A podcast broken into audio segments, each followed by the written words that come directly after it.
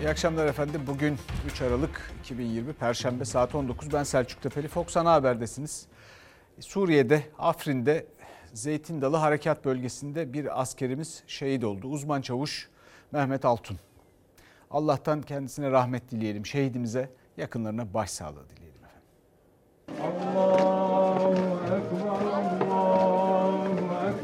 Zeytin Dalı Harekat Bölgesi'nden gelen acı haber yürekleri yaktı. PKK'lı teröristlerle güvenlik güçleri arasında çıkan çatışmada bir asker şehit oldu. Güvenlik güçleri şehidimizin kanını yerde bırakmadı. Suriye'nin Afrin kentinde Zeytin Dalı Harekatı bölgesindeki PKK'lı teröristler sınırdan yurda sızma girişiminde bulundu. Güvenlik güçleriyle teröristler arasında çatışma çıktı. Uzman çavuş Mehmet Altun şehit oldu.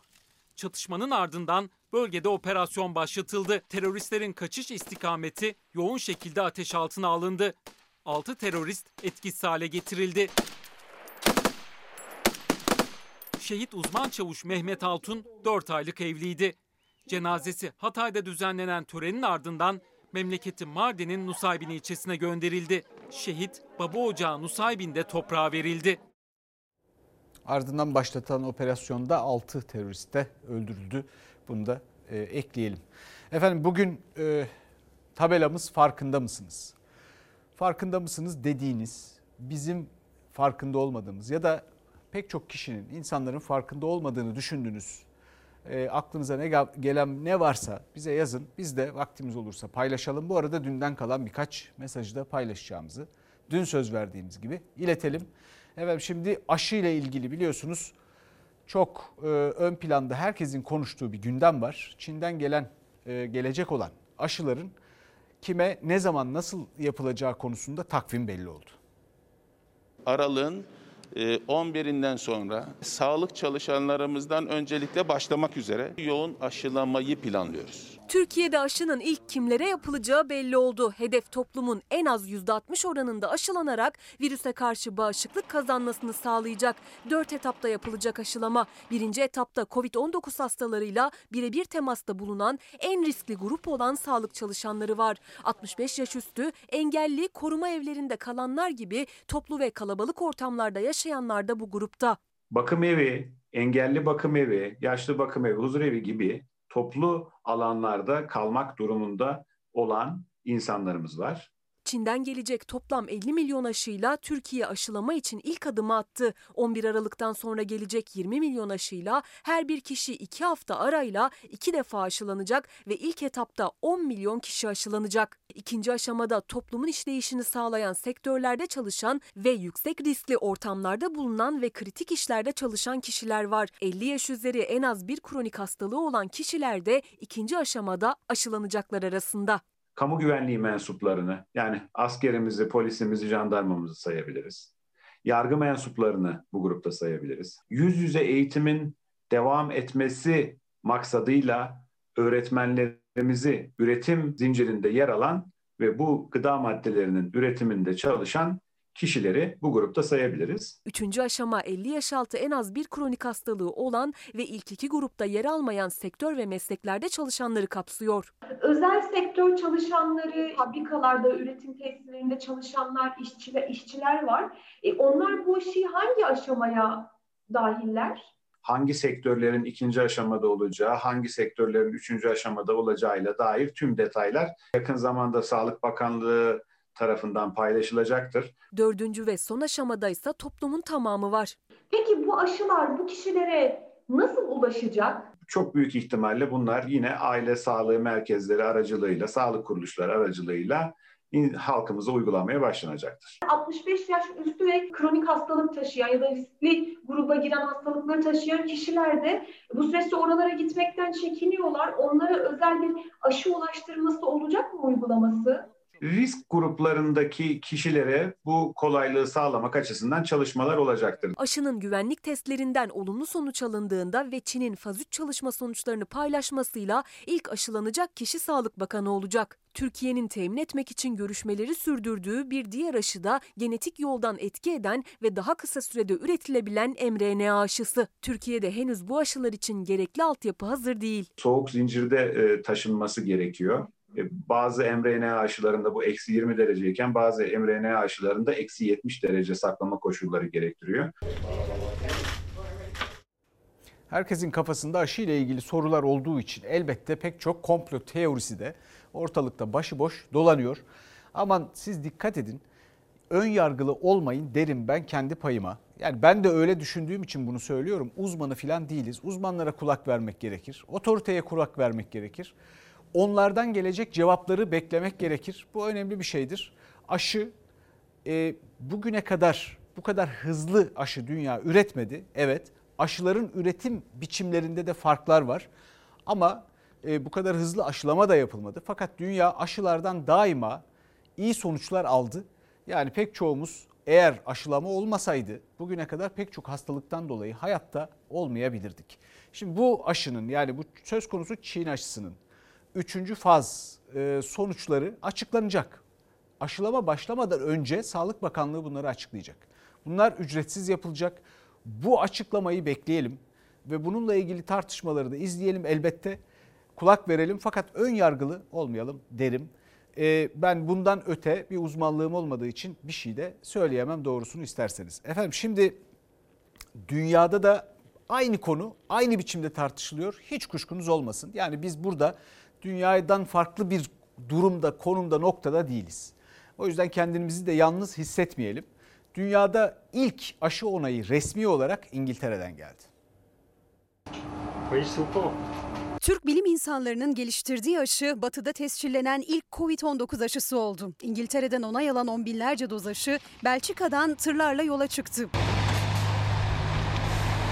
İngiliz hükümeti aşıdan 40 milyon doz sipariş verdi. Hedef yıl sonuna kadar 10 milyon dozun kullanıma hazır olması. Uygulama ise gelecek hafta başlayacak. Sağlık Bakanlığı aşıların ücretsiz olacağını duyurdu. Öncelik sağlık çalışanları, Covid-19'u ağır geçirme riski olanlar, yaşlılar ve bakım evlerinde kalanlara verilecek. Aşıyı geliştiren Türk bilim insanları Uğur Şahin ve Özlem Türeci İngiltere'nin onay sürecini tamamlamasının ardından kamera karşısına geçti. Türk çift Aralık ayı sonuna kadar Avrupa Birliği ve Amerika Birleşik Devletleri'nin de aşıya onay vermesini beklediklerini söyledi. Son yapılan çalışmaların ardından aşıların 2 ila 8 derece arasında 6 saate kadar taşınabildiği ve soğutma sağlayan depolarda 5 gün saklanabildiği de belirtildi.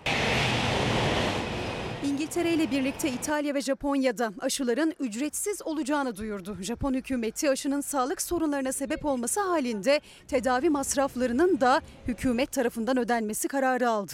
Dünya Sağlık Örgütü ise aşı konusunda uyardı.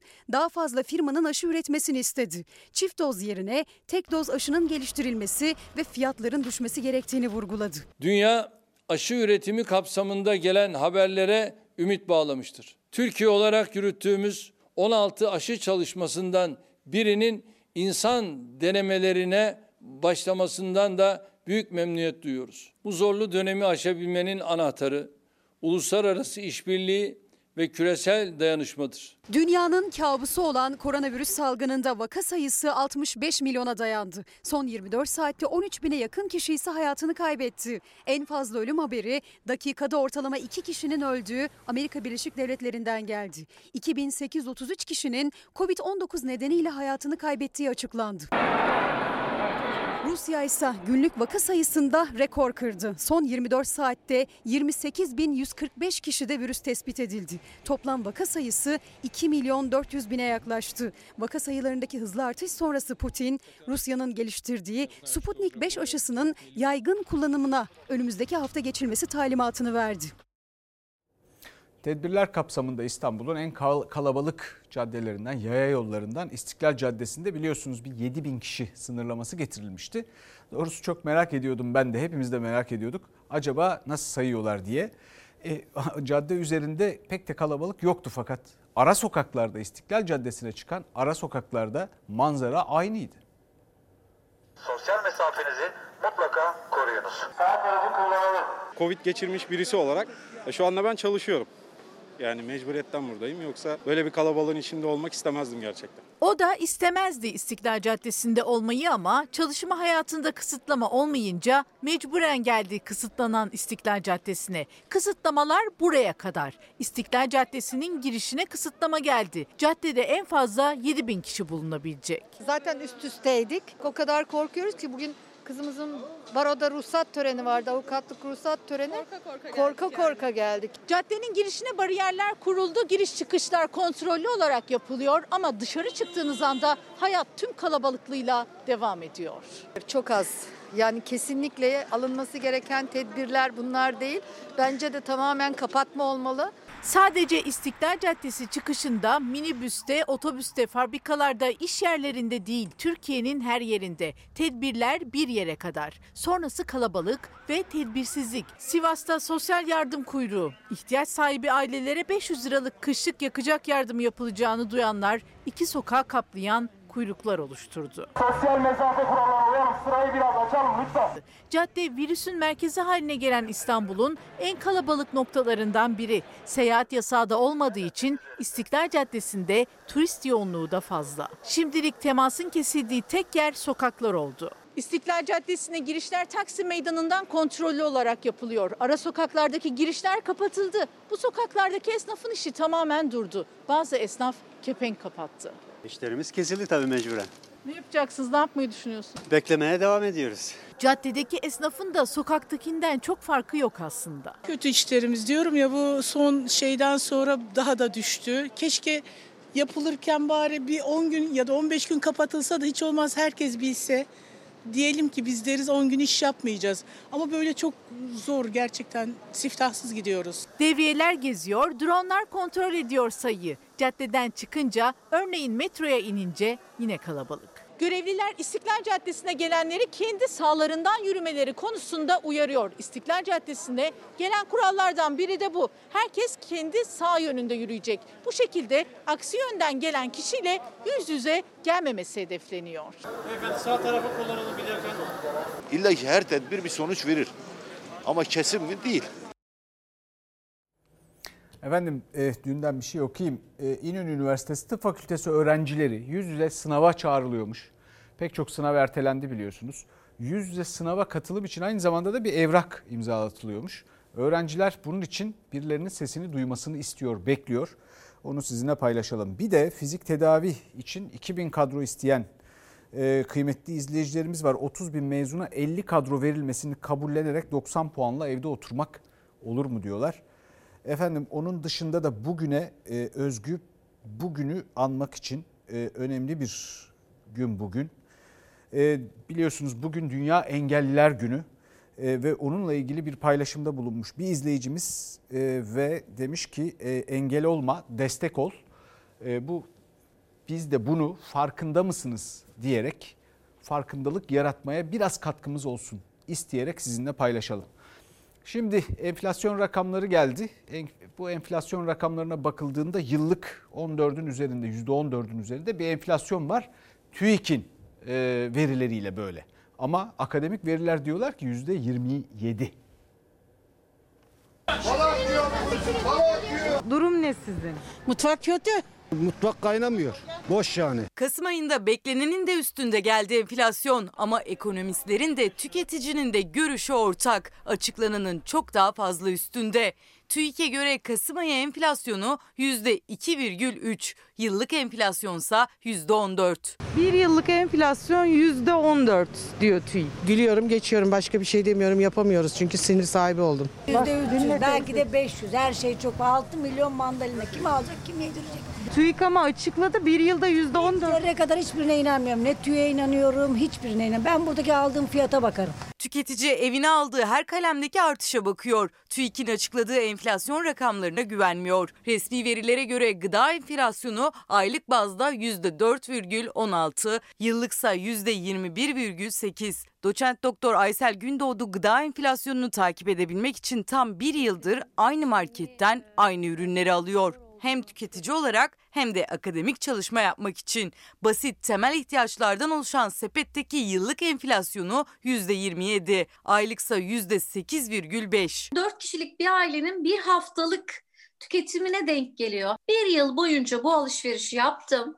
Ocak ayında 85 lira olan bu sepet maalesef bu ay 108,5 lira olmuş oldu. Sepet aynı. Market ürünlerin daha ucuza satıldığı bir market ve lüks denebilecek hiçbir gıda yok içinde. Buna rağmen artış %27. Memurun da, emeklinin de, asgari ücretlinin de maaş zammının kat kat üstünde. Ocak ayıyla bu ay arasında 23 lira fark var bu fişte. 23 lira fark demek ya maaşı artmayan e, insanların ya bu ürünlerden 23 liralık geri koyacak ya da 20, 23 lira bir yerden bulup daha fazla ödemek zorunda kalacak anlamına geliyor. Portakal aldım, mandalina aldım. Nasıl peki portakal mandalinanın? Fiyat fahiş. Aslında mevsimi portakal ve mandalinanın yani fiyatlarının daha da uygun olması gerekiyor ama burada dar gelir sınıfına hitap eden bu markette dahi portakalın kilosu 7.99, mandalinanın kilosu ise 5.99. Resmi verilere göre bile portakalda bir yıldaki artış %60 oldu. Mandalinada ise bu artış bir yılda %41. Bir de diyorlar ki sağlıklı beslenin onu yerin bunu yiyin. Ne yiyecek millet? 5 milyon mandalina. Bir evin temel ihtiyaçlarından kuru bakliyatlar, kuru bakliyatların geneline bile TÜİK'in verilerine göre son bir yılda %33 zam geldi.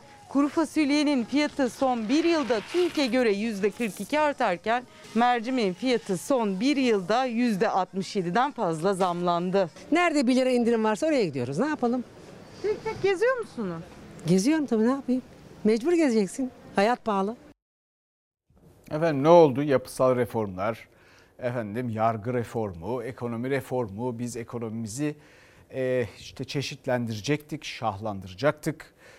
E, öyle bir şey olmadı. Şimdi bu arada da bu verileri görüyorsunuz. Akademik verileri de görüyorsunuz. Onlar diyor ki %27. İki katına yakın. Peki niye böyle? E, ben bir şeyden kuşkulanıyorum mesela farkında mısınız? Yarın asgari ücret pazarlıkları başlayacak. Bu gerçekte sokakta yaşanan enflasyona bakılırsa o asgari ücretin 3 bin liranın üzerine çıkarılması lazım. Ama elbette bir şekilde uyarına getirmek lazım bir yandan da TÜİK'e göre, yetkililere göre, yeni ekonomi bak, maliye bakanımıza göre zannediyorum. E, e, bu, bu durumda bu çelişkiler varken elbette muhalefetten de sesler yükselmeye başladı. E, en çok kullanılan cümlelerden bir tanesi de gördük ki e, ekonomi değil enflasyon şahlanmış. Aylardır %10, 11, 12 açıklıyorlardı. Bugün açıkladı 14. Baktı ki artık herhalde TÜİK mızrak çuvala sığmıyor. Gerçeğe yaklaştırmaya başlayalım yoksa foya ortaya çıktı artık. Enflasyon rakamları açıklanınca gördük ki şahlanan ekonomi değil, enflasyon olmuş. Türkiye'de enflasyonu açıklanan hiç bakmayın. Türkiye'de enflasyon yüzde 40.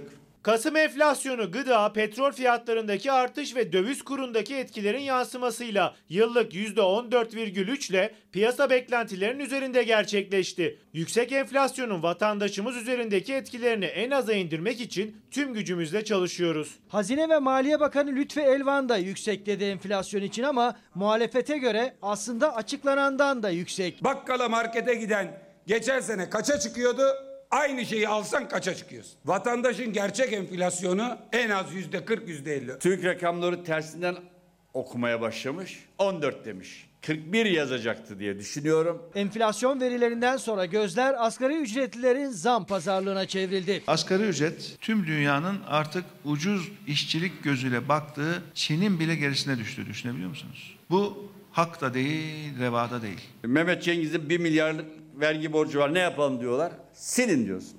Kalyon inşaata 9,5 milyar lira vergi istisnası. E silin. Asgari ücretliye gelince asgari ücret nelerine yetmiyor ya diyor. Tek polemik enflasyon değil. Ona bağlı olarak artacak olan asgari ücrette gündemde. 2016'daki %30'luk artış dışında tüm asgari ücret zamları bir önceki yılın enflasyonuna göre belirlenmiş birkaç puan üzerinde gerçekleşmişti. Muhalefet de buna dikkat çekti. Kibirli saray efradı kendi maaşına yüzde 20 zam yapıyor. Memura 3 veriyor, emekliye 4 veriyor. Bu makyajlı enflasyona göre vereceğiniz zam son 6 aydaki enflasyonu bile karşılamayacak. Cumhurbaşkanı kendisine yaptığı zam kadar asgari ücrete zam yapsa 3 bin lira net ücret alması lazım. Doğalgaza bir yıl içerisinde gelen zam kadar zam yapılsa 3200 lira olması lazım. Elektrik zammına oranla artarsa 3300 liraya çıkıyor. Bu hükümet iş başına geldiği zaman senede yüzde yedi deselerdi bugün asgari ücret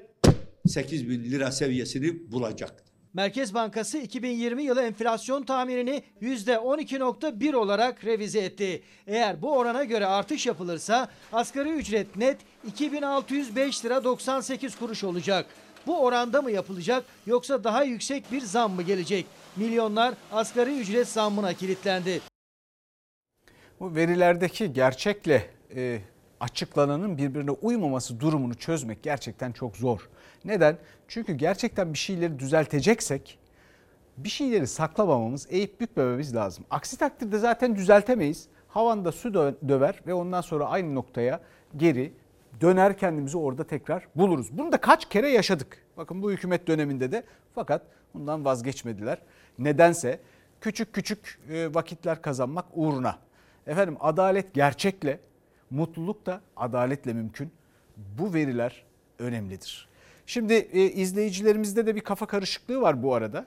E, sizinle onu da paylaşmak istiyorum. Ya bu tedbirler uygulanıyor ama nasıl? Mesela 65 yaş ve üstü için e, hafta içi hafta sonu nasıl olacak diye. Hafta sonu hiçbirimiz çıkmıyoruz. 65 yaş ve üstü de çıkmıyor.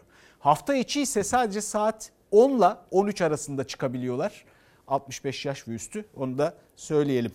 Yani farkında mısınız diyerek de bağlayalım e, bu tedbirlerin uygulanması konusunda. Şimdi e, elbette en çok ekonomik sıkıntıları yaşayan, hisseden, insanların da hissetmesine yol açan her gün her an temas ettiğimiz esnaf. Şu çeşide bir bakın burada 2 trilyon liralık mal var ama kasamızda geçin bakın 100 lira para yok. Gerçekten biz bittik. Ya. Bir de fiyatları çoğu dövize bağlı değil mi bunlar? Her şey dövize bağlı. Şu anda sağlık ikinci planda. Geçim derdi korona günlerinde bile sağlığın önüne geçti dedi Karslı bir esnaf. Benim iki tane çocuğum üniversite mezunu boş ya. Vatandaş bitti. 200 dolara düşmüş Nasıl bir asgari ücret. 250 dolara düşmüş ya. Yanlış zihniyetin, yanlış siyasetçilerin kurbanıyım ben. Durumumuz iyi değil. Ekmeğimizi zor götürüyoruz. Şu anda Türkiye ekonomide pik yapıyor. Dibe değil tavana. Ülkeyi adeta çalışan yoksullar topluluğuna çevirdiler. Ekonomi dip yapıyor, dip. Deva Partisi lideri Ali Babacan önce sokakta esnafın halini dinledi sonra kürsüde dile getirdi. Millet İttifakı'nın da gündemi aynıydı ekonomi. Türkiye'de Erdoğan'a göre yatağa aç giden hiç kimse yok. Çünkü sarayda sorun yok. Halk nerede? Erdoğan nerede? Ya siz kör müsünüz? Türkiye bir tırmanışta. Gözü olup da görmeyenler var. Erdoğan'a göre hangi sorun yok? Kahvecinin sorunu yok. Esnafın sorunu yok. Sanayicinin sorunu yok. Kobi'nin sorunu yok. Senin sorundan haberin yok. Vatandaşını yokluğa, sefalete sürüklemek sarayın gerçekten tabiatında var. Vatandaşımız aylardır ekonomik krizi iliklerine kadar hissediyor. Açlık her geçen gün yaygınlaşıyor. Hem yönetemiyorlar hem de adeta vatandaşlarımızın onuruyla oynuyorlar. Cumhurbaşkanı Erdoğan Ağustos ayında iyimser bir tablo çizmişti. Son kabine toplantısından sonra ise sorunları biliyoruz, tedbir alıyoruz dedi ama dükkanları kapanan, işleri durma noktasına gelen esnaf üzerinden muhalefetin sert eleştirileri sürüyor. CHP lideri son dönemdeki siyasi tartışmalar içinde gündem değiştirme çabası dedi. Aldığımız tedbirlerin yol açtığı sıkıntıları gayet iyi biliyoruz. Bu sıkıntıları asgariye indirmek için her türlü gayreti gösteriyoruz. Toplandı Bakanlar Kurulu. 5 saat konuştular. 5 saat. Pandemide esnafın sıkıntılarını dile getiren bir cümle kullandılar mı? Milyonlarca esnafın sıkıntısı var. Gündemi saptırmak istiyorlar. Adaletsizliği bu memlekette abarttınız. Yoksulluğu abarttınız. Fakirliği abarttınız. Akraba kayırmacılığını abarttınız. Torpili abarttınız ama çok çok abarttınız. Bir izleyicimiz demiş ki farkında mısınız ülkemizin gelişmişlik düzeyini artırmak için tarıma, çiftçiye ve çiftçilerimizin en büyük destekçisi ziraat mühendislerine gereken önem verilmeli. Onlar da kadro istiyorlar elbette ziraat mühendisleri. Fakat biz tarımda, hayvancılıkta ne yapıyoruz? Yani şimdi hakikaten insanın izlerken ağlamadan zor duracağı bir haber var karşınızda. İnsanların traktörlerine el koydular, haz ediyorlar. Ya o yetmemiş gibi ineklerine de haciz geliyor. Bu nasıl olacak ya? Hayvanları satmaya kalksam rehin. Şimdi saman alacağım. 10 günlük saman yoktu. 10 gün sonra Ben bunları satamam ki saman alım. O zaman bunlar ölecek. 12 bin lira borç zamanla 72 bin oldu. Zaten parası olsa inekleri için saman alacaktı. Borcunu ödeyebilmek için hayvanlarını satmayı düşünürken kapıya icra memurları dayandı. Karslı çiftçinin 15 ineğine birden haciz konuldu. Yemim olsam şu şekil olur mu şu hayvan? Ha, bak, bir deri bir kemik kalmış. Zor, zor zoruna. Her taraftan Destek her şeye varmış. destek değiller. Ga- Galibana yok. Amasya'nın Kızılca köyünde traktörleri haciz edilen çiftçilerden sonra bir haciz haberi de Kars'tan geldi. Büyük Pirveli köyünde yaşayan Yılmaz Öztürk, Tarım ve Kredi Kooperatifine olan 12 bin lira borcunu ödeyemedi. Borç yüksek faiz nedeniyle 72 bin liraya yükseldi. Mecliste kabul edilen yapılandırma belki imdadına yetişebilirdi ama çiftçiler dahil edilmedi o yasaya. Şuna bir 800 lira verdiler. Müşteri getirdim. Ee, Ben şey, iki ton saman etmiyor. Borcu için devletten destek görmeyen çiftçi icralık oldu. Saman taşıdığı kamyonetle ikisi gebe 15 ineği harc edildi. Kamyoneti alıp götürdüler. İneklere de el koydular. Ekin ekmeye kalksam ekemiyorum. E, Gürbenin tonu e, 2 milyar, e, 2000'in üzerinde. Hangi birini şeyden? Saman o şekil. Bir torba un almaya kalkıyoruz. E, şey, 160 TL. Derdini anlatırken samanın pahalılığını mı, gübreyi mi, mazotu mu konuşsun bilemedi Yılmaz Öztürk. İnekleri tek şansıydı. Harc edildiği için şimdi ineklerini satmasına da izin yok. Yıkıldı yıkılacak gibi duran ahırında bir deri bir kemik kalmış ve harc edilmiş inekleriyle belirsiz bir geleceğe bakıyor şimdi. Çaresiz ve umutsuz. Yem mi alalım? Kendimizden bakalım. Dört tane kız çocuğu onu mu okudalım? Farkında mısınız ineklerin ne kadar aç olduğunu? İnsanların da öyle tabii. Şimdi bu nasıl bankacılık? Bu nasıl tarım kredi kooperatifleri? Bu nasıl bir krediyi kurtarma çabası? 12 bin liradan 72 bin liraya bir kredi borcu nasıl çıkıyor? Ya nasıl oluyor bu iş farkında mısınız?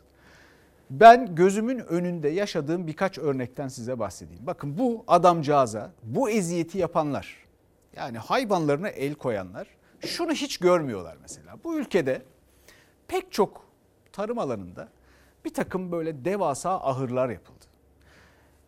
Bir takım insanlar hiç hayvancılıkla, çiftçilikle alakası olmayan insanlardan bahsediyorum. Başka sektörlerden para ucuz diye orada geldiler hayvancılık kredisi filan aldılar.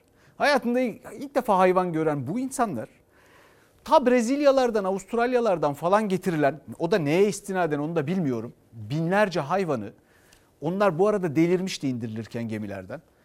Tutamadılar bir arada. Kaçanları ormanlarda kulağındaki küpeyi alıp sigortasından garantisinde para alabilmek için av tüfeğiyle vurdular yahu. Vurdular.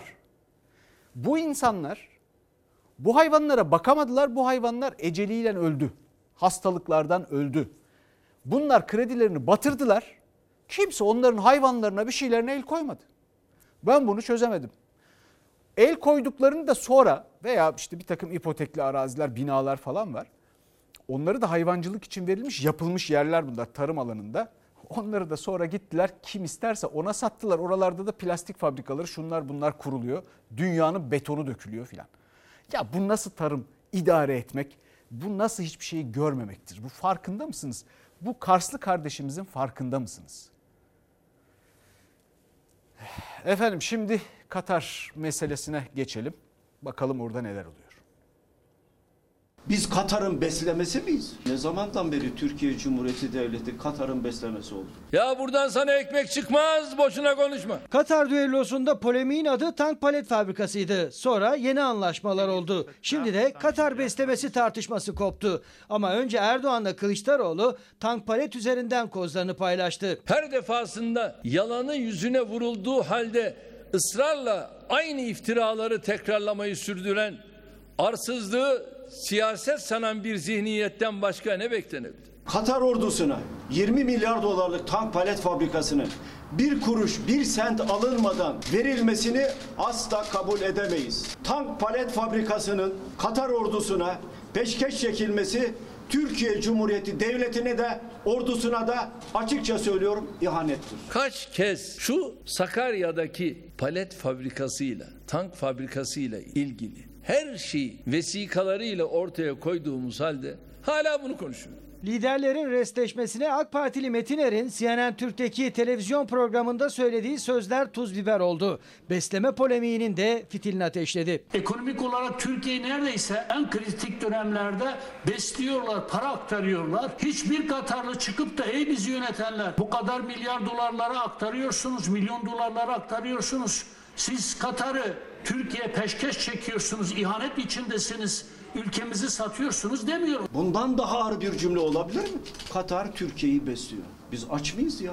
Biz el avuç açan bir devlet miyiz? Biz Katar'ın beslemesi miyiz? Tank paletle başlayıp Borsa İstanbul'un %10'luk satışının da içinde olduğu yeni 10 anlaşma iktidarla muhalefet hattındaki tansiyonu çok yükseltti. CHP lideri Kılıçdaroğlu'nun grup konuşmasındaki suçlamalarına Erdoğan 500 bin liralık tazminat davasıyla karşılık verdi. En önemli kritik noktalara FETÖ'nün bütün mensuplarını yerleştirdi. Devlete bu kadar ihanet eden bir kişi hala kalkıp ordudan bahsedip bizi suçlayacak. Sen kimsin ya? Kimsin sen? Bunlar kadar yalanı rahat söyleyebilen bir siyasetçi ben tanımadım. Akşam yalan, sabah yalan.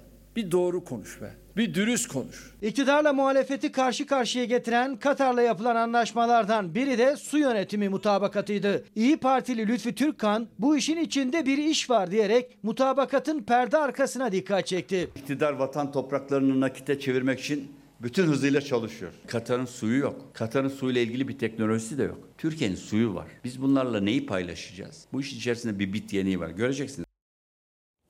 Efendim tartışmanın tabii bir başka boyutu var artık. O da şu e, birazdan arkamızda göreceğiniz, dün de gördüğünüz fotoğrafın yarattığı yankı. O fotoğrafın yarattığı yankı bu görüntü 28 Şubat'ı hatırlattı diyerek Özgür Özel'in de eleştirileri arasındaydı. Bay Kemal hakaret edilen ordu ve onun her mensubu birer Mehmetçiktir. Biz Mehmetçiğimizi size yedirtmeyiz ve yedirtmeyeceğiz. Genelkurmay Başkanı'nın sıcak siyaset alanına girmemesi lazım. Buna sivil toplumun meslek örgütlerinin, sendikaların alet edilmemesi lazım. Görüntü 28 Şubat'ı hatırlatır.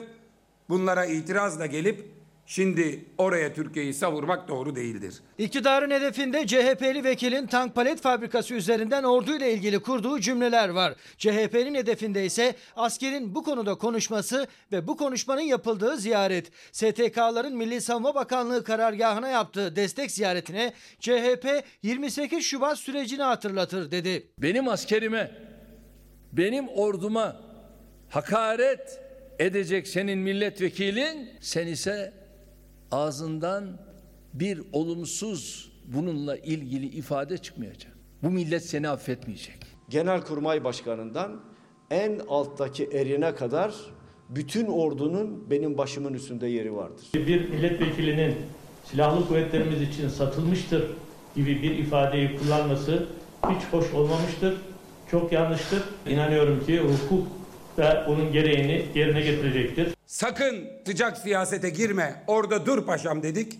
Biz Genelkurmay Başkanı ile polemik yapmayız. Ordulu Genelkurmay Başkanı ayıbının da münasıran Hulusi Akar'da kalması lazım. Genelkurmay başkanları siyasi tartışmaya giremezler. Kılıçdaroğlu ordu tartışmasını yeni günde tek bir cümleyle sınırlı tuttu. Ama CHP başta TOP Başkanı ve sendika başkanlarının olduğu karargah ziyaretinin peşini bırakmadı.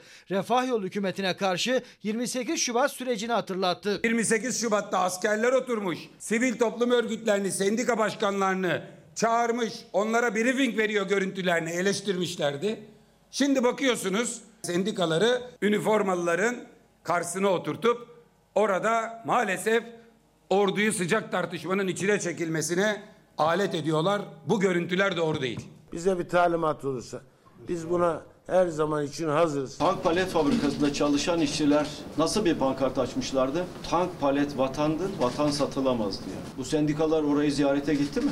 O işçilerin haklarını korudular mı? CHP lideri Milli Savunma Bakanlığı karargahına giden sendikaları oklarının hedefine koydu. Erdoğan ise karargah ziyaretini gündemine hiç almadı. CHP'li vekilin tank palet sözleriyle başlayan ordu tartışması üzerinden yüklenmeye devam etti. Sen MYK'nda, MKYK'nda kalkar oralardan olumsuz değerlendirmeler yapabilirsin. Ama bu millet böyle bir değerlendirmeyi Asla yapmayacak. Bunların tabi cibilliyetinde bu var. Bunlar hiçbir zaman ciddi manada bu milletin şanına yakışır asker olmadılar.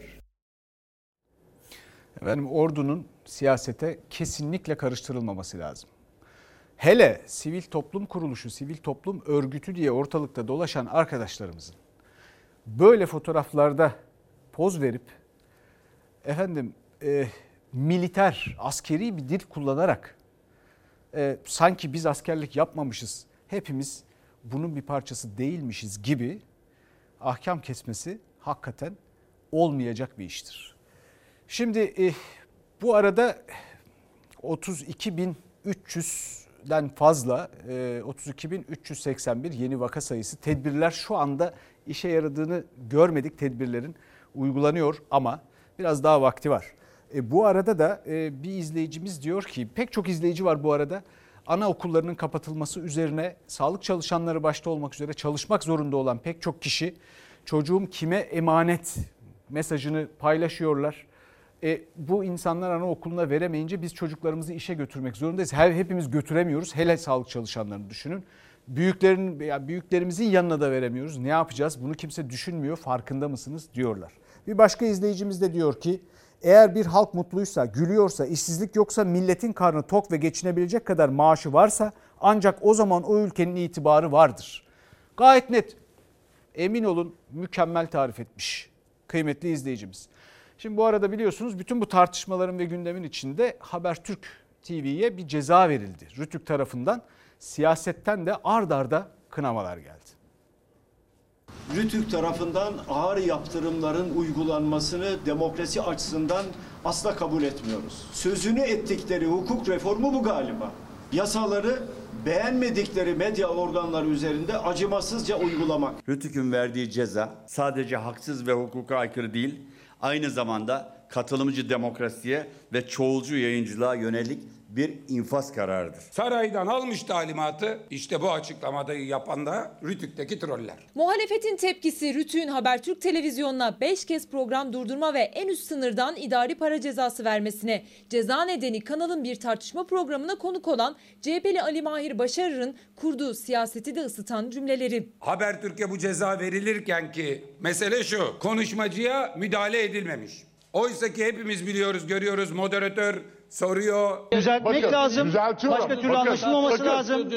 O hassas bir konu. Rütük Türkiye'de tarafsız yayıncılığın sonunu getiren bir kuruma dönüştü. Adeta iktidarın ekran bekçisi haline geldi. Bakan damat Albayrak istifa edince buna üç maymunu oynamayıp gazetecilik yaptığı için Habertürk'e hat bildirme, giyotinin altında tutma, Habertürk'ü sakın ha gazetecilik yapma cezasıdır. CHP'li Başarır'ın konuk olduğu Habertürk'e Rütük'ün kestiği yüksek ceza tartışılırken CHP lideri Kemal Kılıçdaroğlu başka bir kanalda AK Parti eski milletvekili Mehmet Metiner'in kurduğu cümleleri hatırlattı. Rütük çifte standart uyguluyor diyerek. Bir televizyon programında iktidar partisine destek veren bir kişi şu açıklamayı yapıyor. Katar en kritik dönemlerde Türkiye'yi besliyor. Ekonomik olarak Türkiye neredeyse en kritik dönemlerde besliyorlar, para aktarıyorlar. Türkiye beslemeye muhtaç bir ülke değildir deyip bu noktadan üzerine e, gidip e, bir spekülasyon da yaratabilirdi. Buna itiraz eden var mı?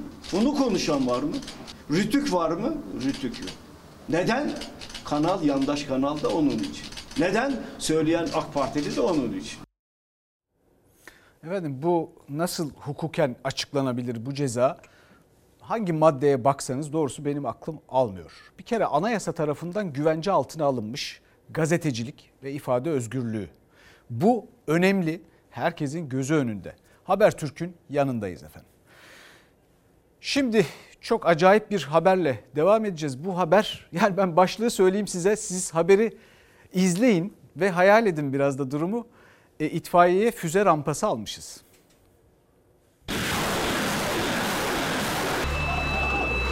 Dünyanın hiçbir ülkesinde yok. Neymiş mesele? Füze rampasıymış. Her biri 1 milyon 100 bin dolar artı KDV ile satın alınmış araçlarımız. Her biri milyon dolarlık 90 füze rampası satın alındı itfaiye aracı diye. Yokuş çıkamadığı için garajda bekleyen metrobüsler gibi bu araçlar da bekliyor. Çünkü İstanbul'un sokaklarına uygun değil. Hem büyük hem de manevra yetenekleri yok. İsraf kalemi yıllar sonra 2021 bütçe görüşmelerinde İtfaiye Daire Başkanlığı'nın giderlerindeki fazlalıkla ortaya çıktı. Satın alma maliyetine baktığımız zaman en az en az iki katı. E, tek firma üzerinden zaten geliyor yedek parçalar. Tekelleşmiş bir firma istediği fiyatı koyuyor. Ne yazık ki yıllardır şahit olunan bu manzaraların üzerine İstanbul'un dar sokaklarına uygun itfaiye araçlarının envantere katılması gerekirken işte füze rampasından çevrilen itfaiye araçları 6 çarpı 6 olarak biliniyor. 90 adet geçmiş dönemde alındı. Tanesi milyon dolar. Üstelik yabancı bir şirketin başka bir ülkeye satamadığı bu araçlar başka hiçbir ülkede kullanılamıyor. Bu nedenle de bakım maliyeti çok yüksek. Güçlü bir motor ama güçlü olduğu için de yakıt tüketimi çok fazla. Yaklaşık olarak her bir kilometrede bir e, litre e, yakıt tüketiyorlar. Bakımlarına baktığımız zaman e, önümüze öyle faturalar geliyor ki yani bir kompresörün değiştirilmesi eğer 17 bin euro artı KDV ile ifade ediliyorsa bizim böyle bir araca e, ne kadar ihtiyacımız var? Bu da ayrı bir tartışma konusu. Hem kullanılmayan hem de maliyeti yüksek bu araçlar Amerika menşeli bilinmeyen bir şirketin satamadığı füze rampaları aslında. Aracı başka bir firma elde kalan füze rampalarını uygun fiyata alıp fiyatını katlayarak İBB'ye sattı. Geçmiş dönemde birçok benzer ihaleler de yaşandı. İhtiyaç duyulmayan araçlar astronomik fiyatları alındı. Görüntüsünden yola çıkılarak konuldu adı. Koca Yusuf yine fiyatıyla dikkat çeken araçlardan biri. 1.1 milyon avro olan bu araçlardan 18 adet satın alındı zamanında. Geçmiş yangın kayıtlarına bakıldığında ise yine az kullanılan araçlardan olduğu görülüyor. Hangara sığmayacak büyüklükte. Burada bir e, kamu zararı var mı diye bakacağız. Bununla ilgili bir e, biz dosyamızı hazırladık ve teftiş kuruluna gönderdik. Efendim bu yaklaşık 4 yıl önce 2017'de yaşanmış bir şey. Vallahi ben kendimi düşünmekten alamadım. Bu S-400'leri acaba işe yaramazsa itfaiyeye çevirmek üzere ilk deneme böyle mi yapıldı diye. Şimdi Nazlı Yere Basmaz'la benim hikayem var. Şimdi de inşaat mühendislerin derdini dinleyelim, kulak verelim. Farkında mısınız diyelim. Adil Bey'in tweetlerinin altına işte derdimizi anlatacak, e, kendimizi anlatacak tweetler attık. İşte argo kullanımı gibi o tarz şeyler olmadan Tamamen ahlaki sınırlar içerisinde. Bir gün bir girdik işte. Önce belli yani birkaç arkadaşımız engellendi. Sonra birkaç arkadaşımız. Sonra sıra bana geldi. Şu an bana gösterebilir misiniz sayfayı? Adil Kara İsmailoğlu. Biraz yukarı kaldırın engellendiğin yazıyor. Engellenmişsiniz.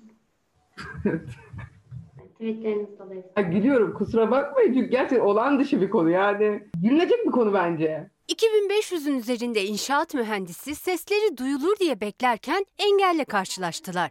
Tıpkı Çorlu tren kazasında oğlunu kaybeden Mısra Öz'ün devlet demiryolları tarafından engellenmesi gibi KPSS'ye girip kamuda iş sahibi olmak isteyen inşaat mühendisleri de Ulaştırma Bakanı Adil Kara İsmailoğlu tarafından sosyal medyada engellendi. Diğer mühendislik gruplarından da biz buna benzer şeyler duyduk. Çok fazla engel olduğu için biz bunu bakanın yaptığını düşünmüyoruz. Çünkü hani bakanın böyle bir küçük hesaba diyeyim gireceğini zannetmiyoruz. Bakan Twitter'a girip de bizi teker teker engellemez yani. Bir kere vakti yoktur. Ama bunun yerine hani daha düzgün bir açıklama yapılsaydı, hani bir bize karşı bir şey söylenseydi biz zaten hani atmazdık. Şaşkınlar hem seslerini duyması gerekenler kulaklarını kapattıkları için hem de hayat tahmin ettikleri gibi yürümediği için. Hız kesmeden yükselen inşaatlarda iş bulmak kolay olur ümidiyle yazdıkları bölümün sonu da birçok bölüm gibi işsizliğe çıktı. Bölümü seçtiğim vakitlerde ben kamuya dair bir şey düşünmüyordum. Ama baktım ki mezun olduktan sonra ben iş bulamıyorum. Şu an işsiz bir inşaat mühendisisiniz. Evet, şu an işsiz bir inşaat mühendisiyim. İşsiz bir inşaat mühendisiyim. Yani sadece diplomam var. Mezunumuz çok olduğu için patronlar da tabii ki sen gidersen başkası gelir. Şu kadar paraya çalışmıyorsan söyleyeyim hatta 2000 liraya çalışmıyorsan gidebilirsin diyorlar. Her sene 10 bin üzerinde inşaat mühendisi mezun oluyor üniversitelerden. Ekonomik sıkıntılar nedeniyle de işveren sayısı düşüyor. Özel sektörde iş bulamayan ya da düşük ücretlerle çalışmak durumunda kalan mühendisler kamu alımları için KPSS'ye giriyor, yüksek puanlar alıyor ama bu kez de atanamıyorlar. 2018-2020 arasında sadece 131 kişi kamuya istihdam sağlandı. Tabii ki merkezi alım dışında da alımlar oldu. Mesela belediyeler, il özel idareler ama bundan emin olun çoğumuzun haberi olmadı. KPSS'den aldığımız puan ile değil de maalesef mülakatla e, alım gerçekleştiriliyor. 90 alan arkadaşımız mülakata çağrılmadı. 72 alan arkadaşımız mülakata çağrıldı. Yani biz şöyle görüyoruz mülakat eşittir torpil. Yaşadıklarına ve engellere rağmen umutlarını kaybetmeden seslerini duyurmaya çalışıyor inşaat mühendisi gençler. Bakanlık vatandaşa kulağını tıkayabilir mi ya? Bunu yapabilir mi? Efendim şimdi bir dakikadan bir haber vereyim size. Bir dakikada hayatta en çok kim kazanır sorusunun cevabını vermeye çalışacağız. Çok geniş bir araştırmanın neticesi bu. Reklam arası. Efendim Amerika'da Massachusetts Institute of Technology'de çok fiyakalı bir ismi olan bir bölümünde bir araştırma yapıldı. Araştırma çok geniş bir katılımla yapıldı. Araştırmanın ana sorusu şuydu. Kim daha çok kazanır? Hayatta kim daha çok kazanır? Bu sorunun cevabı pek çok kişinin tahmin ettiği hiçbir e, neticeyle uyuşmadı. Yani işte soylu olan mı, miras kalan mı, çok çalışan mı, piyango çıkan mı bunların hiçbiri değil. En çok farklı yaşam biçiminden insanla teması olan en çok kazanır. Çıkan sonuç buydu. Türkiye bunun cenneti. Bunu değerlendirelim. Birbirimize kulak verelim. Hele tam bir ekonomide olur bunlar biliyorsunuz. Bu kitapta onu anlatıyor. Stres testinden geçerken yine siyasi bir stres testinden geçiyoruz şu anda. Aman çok önemli. İktidara da muhalefete de tekrar seslenmek istiyorum. Sakın bu işlere ne olur orduyu karıştırmayın. Siyasete karıştırmayın orduyu. İktidar da muhalefette yapmasın bunu. Stres test ilginç bir kitap. Bunun detaylarından yarın daha fazla bahsedebiliriz. Bir de avukat kardeşim demiş ki ya o eskidi ben sana yeni bir kitap göndereyim. Anıl Emre'ye buradan selamlarımı iletirim. O kitabı da bekliyorum. Bizden bu akşamlık bu kadar. Bizden sonra Mucize Doktor var yeni bölümüyle. Yarın görüşmek üzere.